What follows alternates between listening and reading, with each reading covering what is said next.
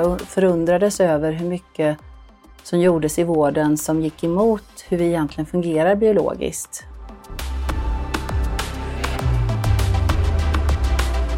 Bitarna går helt stick i stäv med läkekonst.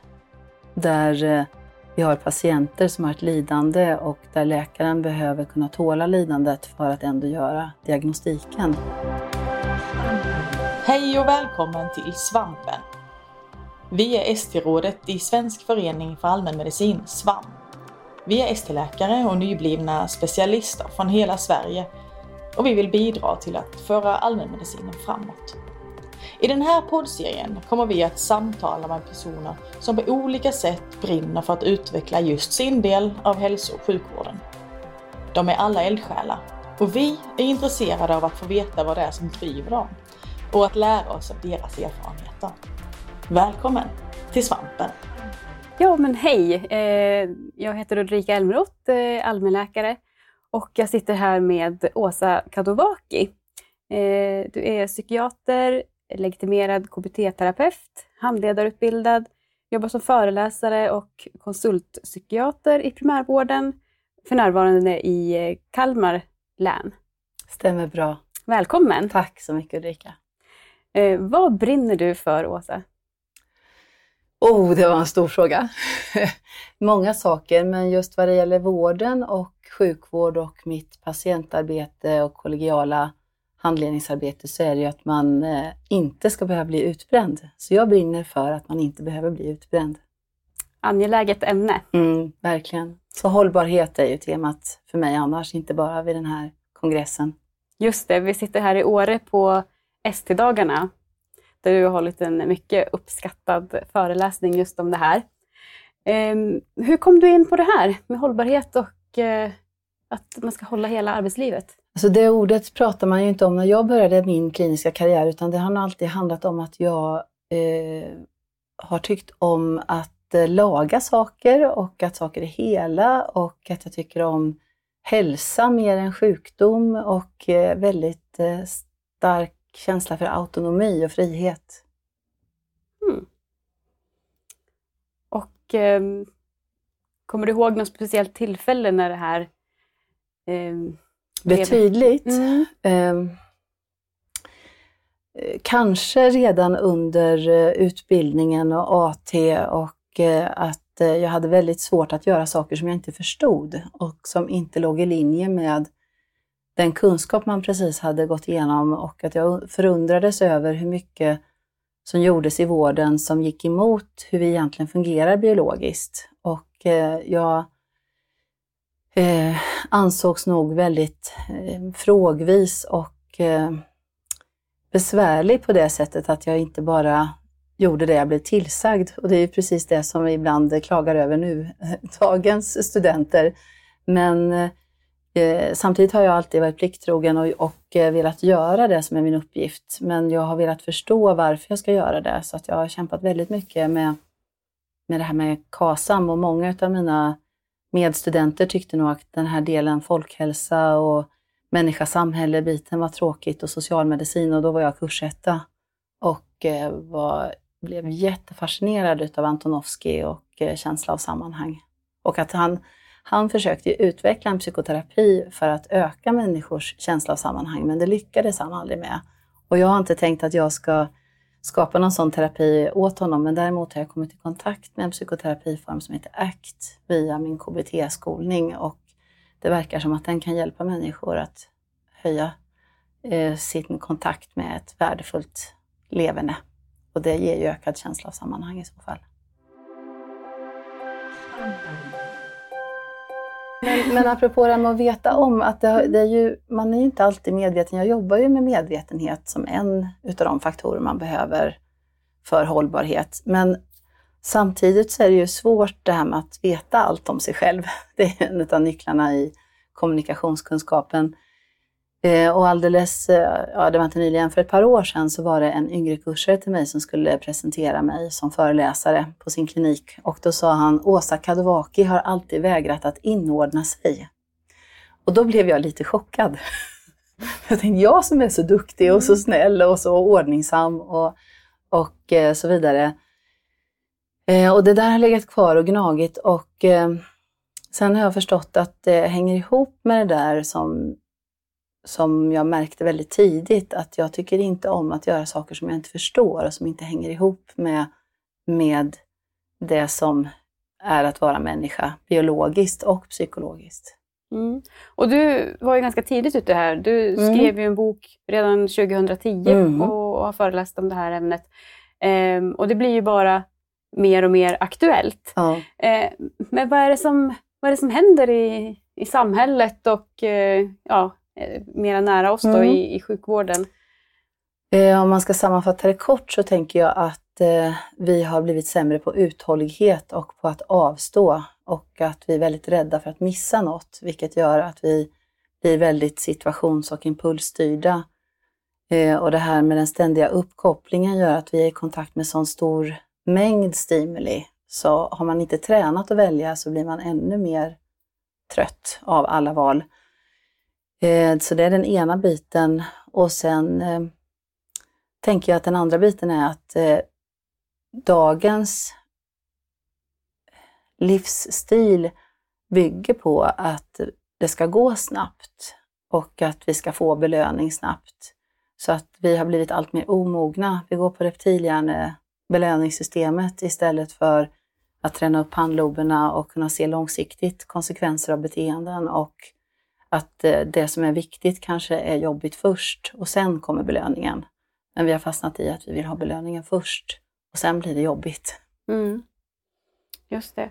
Och eh, för eh, oss läkare, är det några särskilda situationer som det här blir extra tydligt? Ja, det är ju hela patient-läkarrelationen har ju utmanats utifrån kundbegreppet där man har fört in idéer om att patienten är kund och eh, vi associerar ju till kundordet som att kunden har alltid rätt. Eh, kunden får köpa det den vill och vi utvärderar vår vara med om kunden är nöjd. Och alla de här tre bitarna går helt stick i stäv med läkekonst. Där eh, vi har patienter som har ett lidande och där läkaren behöver kunna tåla lidandet för att ändå göra diagnostiken. Och idag mycket av den här psykiska ohälsan som är, handlar inte alls om sjukdom och patologi utan det är konsekvenser av att inte ha tränat upp sin uthållighet och eh, medvetenhet. Och vad kan man göra för att träna på det? Ja, eh, då behöver man ju träna på de färdigheterna. Att, eh, vad det gäller medvetenhet så, så är ju mindfulness den stora biten och det har ju tyvärr missuppfattats i Sverige att man har trott att mindfulness är någon stressbehandlingsterapi eller något, om man gör mindfulness så mår man bra. Istället för att mindfulness handlar enbart om ett sätt att träna att styra sin uppmärksamhet och veta om var man har sin uppmärksamhet och veta om hur man mår. Det har ingenting med att man måste må bra. Eh, för att allting som är viktigt och som händer i livet, det som vi kallar stress, det väcker ju sällan positiva känslor eller sånt som vi kallar positiva känslor, utan blir man utmanad eller är med om förluster eller det är omorganisationer eller man blir av med jobbet, då är det ju sällan någon som säger åh vad intresserad jag blir, vad kommer livet bjuda härnäst? Utan man hamnar i rädsla och nedstämdhet och ältar varför det inte kan vara som det alltid har varit. Och då, vad får det för konsekvenser då? I... Att man blir nedstämd mm. och att man blir passiv och att man blir isolerad och att man blir mer känslig för förändringar. Så att nästa steg, om man ska träna medveten närvaro först, och då finns det olika sätt att träna det. Men det andra steget är ju att träna acceptans för att allt som är viktigt känns. Och acceptans handlar då inte om att blotta strupen, resignera, uttrycka att ja, det är bara att acceptera. Och så är det egentligen ett uttalande, utan acceptans handlar om att det får kännas när någonting viktigt är utmanat eller hotat. Och det handlar bara om att kunna låta det vara som det är och inte göra något åt det. Men många människor idag springer runt som tosingar för att det ska bort, det som känns. Eh, och då, vad, hur tränar man det? Jo, man tränar det bara genom att låta det vara som det är och veta om vad det hänger ihop med, att se samband. Och sen är det tredje steget, det är att när man kan styra sin uppmärksamhet, när det som är viktigt får kännas, så kan man välja vad man vill engagera sig i och vad man ska göra. Och det här kommer ju då in i läkekonsten, att det finns massa idéer om att man inte kan göra saker vid kris, eller man kan inte göra saker när man är trött, eller man kan inte göra saker när man mår dåligt. Och så går man till sjukvården och eh, vill få bort symptomen, eller vill bli, vill bli bortplockad från sitt arbetsliv till exempel. Och så fungerar vi inte biologiskt. Utan så fort vi blir bortplockade eller använder undvikande som copingstrategi, då signalerar vi till hjärnan att det här är farligt och så blir vi mer uppmärksamma på hotet och så blir vi känsligare. Och det är det som inom smärtfysiologin kallas wind-up. Just det. Mm. Och det är precis samma fenomen när det gäller sympatikusreaktionen eller rädsla eller nedstämdhet. Om man inte klarar av att känna det man känner och utan använder undvikande strategier så blir man sensitiserad. Mm. Just men du har ju kommit med det här begreppet läkare med gränser. Mm. Ja. Mm, berätta om det. Ja, eh, det var en äldre kollega som blev trött på mitt gnällande, tror jag man kan säga, för 10-12 år sedan. Eh, och vi satt och diskuterade hur läkaryrket förändrades och hur svårt det var att hjälpa människor på riktigt när de hade inställningar till livet som inte stämmer överens om hur livet är. Och eh, jag kommer inte ihåg vem det var som inte det där att vi borde ha, för jag hade mycket fokus på professionalitet och jag pratade om curlingsjukvård och att läkare överkompenserar människor för att man tycker synd om dem istället för att hjälpa dem till utveckling för att man själv inte klarar av att känna saker. Och då i de där diskussionerna så dök det här med läkare med gränser upp som handlar om inte avvisande eller bortstötande utan tvärtom att jag går inte med på dumheter och jag vill hjälpa dig på riktigt. Så att värna om det professionella ansvaret med målet att hjälpa patienterna på bästa sätt. Så att egentligen så har vi samma ideologi som Läkare utan gränser. Det är bara att vi jobbar nationellt istället för internationellt. Och vi är 30 stycken flämtande själar som, mm. som står på den där listan och vi har inga möten längre men vi är några som försöker göra oss hörda i olika debatter. Men erfarenhetsmässigt så är det vi uttrycker så långt ifrån det som är politiskt korrekt så det blir oftast bara tyst runt omkring oss. Mm. Men nu som du säger, nu börjar ju min bok att sälja slut och eh, jag har ju varit efterfrågad hela tiden som föreläsare men nu kommer förfrågningar från lite annorlunda ställen än vad det gjort tidigare. Mm. Men vad är det som har hänt då? Jag menar, när man pratar med äldre kollegor så är det ju alltid det ja men på min tid minsann, då var mm. vi jour dygnet runt eh, i en vecka. Och, ja men du vet. Mm. Eh, är det bara vi i den nya generationen som är mjäkigare eller vad? Eh, dels är det ju så att eh, jag tror att eh, det är fler, avsevärt fler livsval idag. Och att eh, vi värderar andra livsområden än arbete och vill hålla på med dem också. Och dygnet har fortfarande bara 24 timmar.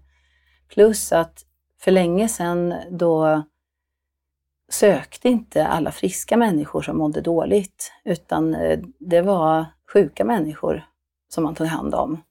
Så det är en avsevärd skillnad i trycket på sjukvården också och vad man handlägger. Eh, och också attityden till vårdpersonalen. Att det är ju jättestor skillnad att jobba under det som kallas aversiv kontroll. Att det är ett ständigt hot med tidspress och med att man ska göra fel eller eh, få kritik eller så vidare kontra att man är en auktoritet som kommer och bidrar och hjälper till med någonting. Det är helt olika arbetsmiljö för psyket. Mm. Så att den här förändringen av läkarrollen till var, var något tema för några år sedan från, eh, ja det kanske var jag som hade den också, eh, att vi har blivit lakejer istället för eh, auktoriteter. Och att det har blivit, blivit fult att vara en auktoritet. Och det är likadant inom läraryrket och polisyrket och alla kvalitetsutbildningar, att man ifrågasätts i sin auktoritet. Och jag tror att en del i det är att vårt språk har spridits via Google så att patienterna eh, kommunicerar med oss på ett annat sätt, vilket man har velat politiskt. Men det gör också att det blir svårt att se skogen för alla träd och det blir minskad tillit mellan patientläkare. När patienten utmanar hela tiden, ifrågasätter. Mm. Och vad kan man göra eh, då som, som enskild läkare? Det är ju många som vittnar om det idag, att det blir en allt mer pressad situation på vårdcentralerna och det är kollegor som går in i väggen. Och, ja. Mm. Vad, vad gör man Mm. för att undvika att hamna där? Ja, då måste man återerövra det som kallas locus of control eh, och förstå vad man har makt över. Det vill säga, har jag mycket ansvar så behöver jag ta kontrollen över det ansvaret. Och det språkbruk som är inom kåren idag, det är ju att man är offer istället för aktör. Och bara att använda ett sådant språk gör att man minskar locus of control och känner sig hjälplös och beter sig hjälplöst. Så att eh, man behöver ta ett medvetet beslut att om jag ska vara kvar i jobbet som läkare så är det jag som bestämmer vad jag använder min energi till. Sen finns det givetvis vissa delar på spelplanen som man inte kommer undan. Journalföring, signering, sköta åtaganden på boenden och så vidare. Det finns saker som ingår. Men sen behöver man inte göra någonting som någon annan säger att man ska göra, för det är jag som är legitimerad. Och där handlar det ju mycket om att återta ansvaret för pennan. Det är inte pennan längre, det har blivit ett knapptryck, vilket eh, också är en del i den här problematiken, att det går så fort. Men att man inte signerar någonting som man inte kan stå för. Och istället för att vara rädd för att bli anmäld, det är jättemånga kollegor som går omkring och är rädda, så ska man se till att man gör jobbet på ett sätt så att det tål granskning. Mm. Ja, det är en skillnad där. Jättestor skillnad.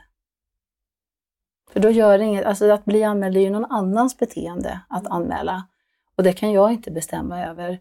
Men om jag gör massa saker fel för att muta patienten att inte anmäla mig, då tål inte mitt läkararbete granskning och jag kommer inte vara nöjd och jag kommer känna mig jagad jämt. Men om jag tar ställning till vad jag bidrar till och vad jag inte bidrar till och när jag sätter min namnteckning på någonting, då står jag för det. Och om någon kan kritisera det sen medicinskt, då har jag någonting att lära. Men om jag kritiseras för att jag inte gjorde som den andra ville, då är vi väldigt illa ute i det här samhället.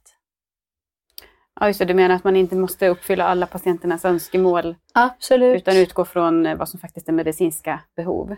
Absolut. Mm. Och där måste, det du säger nu att politiker har ju pratat om behov och tillgänglighet, men vi måste lägga till som kår medicinska behov. Medicinsk tillgänglighet utifrån medicinska behov. Så den här idén om rätten att söka sjukvård när man vill ha den, det kommer ju bryta ner sjukvårdspersonalen. Vi är också människor som blir patienter om vi inte får ha dygnsrytm och vara med våra familjer och göra återhämtande saker. Så att jag blir väldigt fundersam när jag hör de politiska idéerna om det här dygnet runt-samhället, för det leder till ohälsa. Och det är det som är medicinskt akut som ska tas om hand om natten av akutpersonal. Och då behöver vi återerövra att akut betyder inte snabbt i vårt sammanhang, utan akut betyder medicinskt hotande tillstånd som ska tas hand, hand snabbt. Mm. Men eh, det är mycket sånt som vi måste återerövra om vi ska kunna få stabilitet i samhället igen. Mm.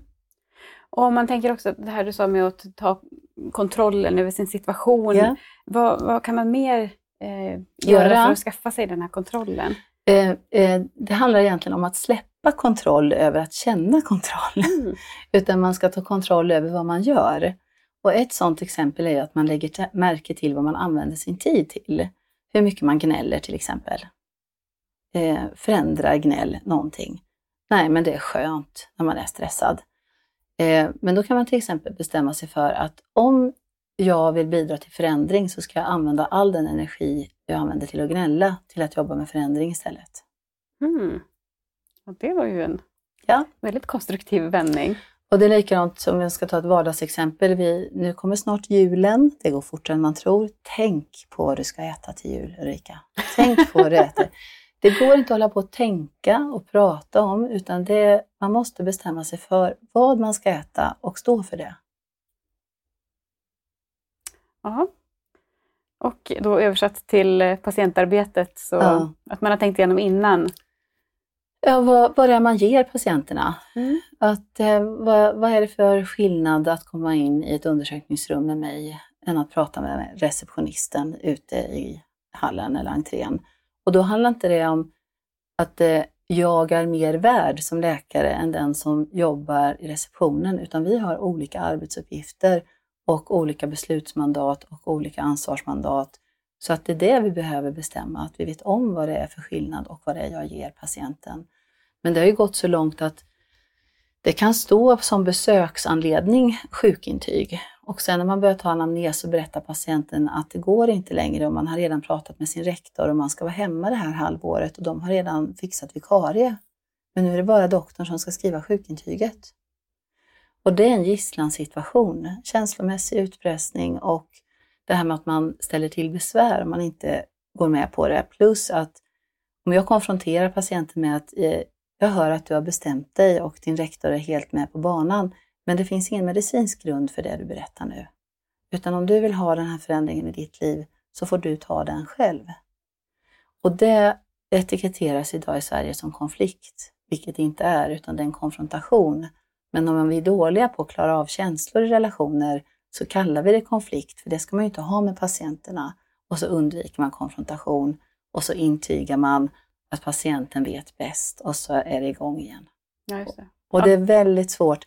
Så det är synd om den patienten också som får ett sjukintyg för stressreaktion till exempel. För att när man plockas bort från sitt sammanhang då lär man sig inga nya beteenden. Och när man ska tillbaks så har man precis samma problematik som man hade tidigare. Och dessutom har man blivit sensitiserad så att man har blivit ännu sämre på att hantera situationer som drar igång obehag.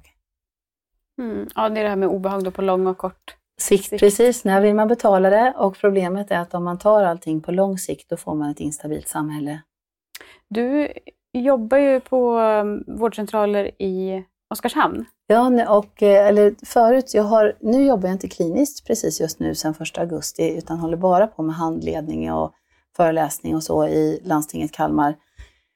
Eh, utan i Östergötland så har jag jobbat kliniskt på en vårdcentral sedan 12 år tillbaka, nej det är en ljöga, 7 år tillbaka kliniskt på en vårdcentral och innan det har jag varit i primärvården så totalt 13 år och jobbat med handledning av kollegor, second opinion, så jag har haft kliniskt arbete hela tiden. Mitt specialintresse, det brinner jag också för, diagnostik. Vad är egentligen problemet? Mm. Och då inte genom att använda olika skattningsskalor och eh, kryssa i rutor, utan genom att titta och prata med patienten. Mm. Ja, just, det, just inom psykiatrin kan ja. det vara en utmaning. Ja, eh, fast det, inom psykiatrin när människor är allvarligt psykiskt sjuka, då är det oftast rätt uppenbart vad de har problem med.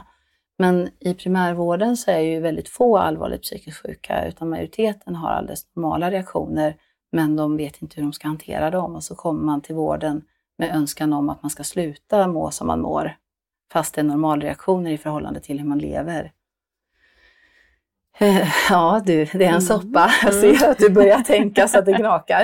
Eh, men i Östergötland så har jag eh, åkt runt till alla kollegor som har velat ha hjälp. Så jag har pendlat, eller inte pendlat, jag har åkt ut från den vårdcentral jag utgått ifrån. Både söderut och norrut och österut för att jag har varit stationerad i Linköping. Så att jag har rört mig mellan Norrköping, Österbymo, eller på att säga, men Boxholm, Mjölby, Motala och så vidare. Och vad har du hjälpt eh, kollegorna med då? Ja, dels har jag haft handledningsgrupper där vi har jobbat med eh, dels eh, kommunikation och samtalsmetodik och att kunna säga nej utan att gå under och ha dåligt samvete och sova dåligt på natten. Men för att kunna göra det så måste man först ha gjort sin diagnostik så att man kan vila i att jag står för den här bedömningen även om det blir jobbigt för patienten och mig.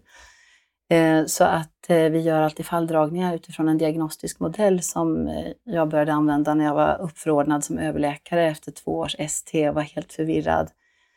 Så att då började jag sortera patientinformationen för att kunna ta bättre ställning. Jag hade ingen att fråga, så att det var hårt arbete. Men det har gjort att diagnostik, det blir ju lätt, så ju mer man jobbar med något, desto lättare blir det ju. Så att jag hjälper kollegorna att ta ställning till om det är något mer som ska utredas medicinskt eller om det mer handlar om att ge tillbaks livet till patienten. Mm. Det låter fint, ge tillbaks ja. livet. Ja, för det är ju så att när man blir rädd för att man är sjuk eller man är rädd för att vara rädd och så försöker sjukvården hjälpa till med sjukvårdsinsatser, då blir man ju medikaliserad. Och det blir en sorts zombietillvaro där man tror att sjukvården har lösningen men de har bara inte kommit på vilken lösning det är. Och så kan man gå och vara sjukskriven i åratal utan att komma vidare och faktiskt stagnera och gå tillbaks i utveckling. Eh, så att eh, jätteviktigt att människor får hjälp att fortsätta leva sina liv och det är det som kallas empowerment, att ha den en humanistisk gren att eh, hjälpa människor till att bli mer självstyrande. Ja, och det är väl en drivkraft just bland många av mm. oss allmänläkare och ST-läkare i allmänmedicin att ha den här holistiska hel, mm. helhetssynen på patienten och ja. hjälpa dem att få så god hälsa som möjligt. Mm, precis. Mm.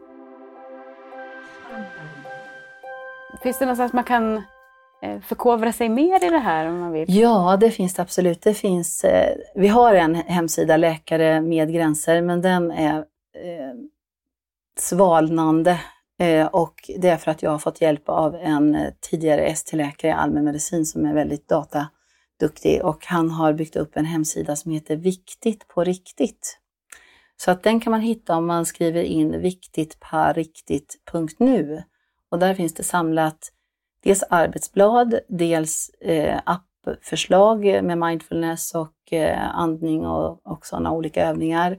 Självhjälpsböcker och föreläsningar, te, olika TED-föreläsningar. Så finns det några med mig, men de flesta är på engelska utav filmerna. Och sen finns det den här guiden som jag använder för diagnostik eh, också inlagd. Så att vi har samlat det arbetsmaterial som jag använder i mina handledningsgrupper.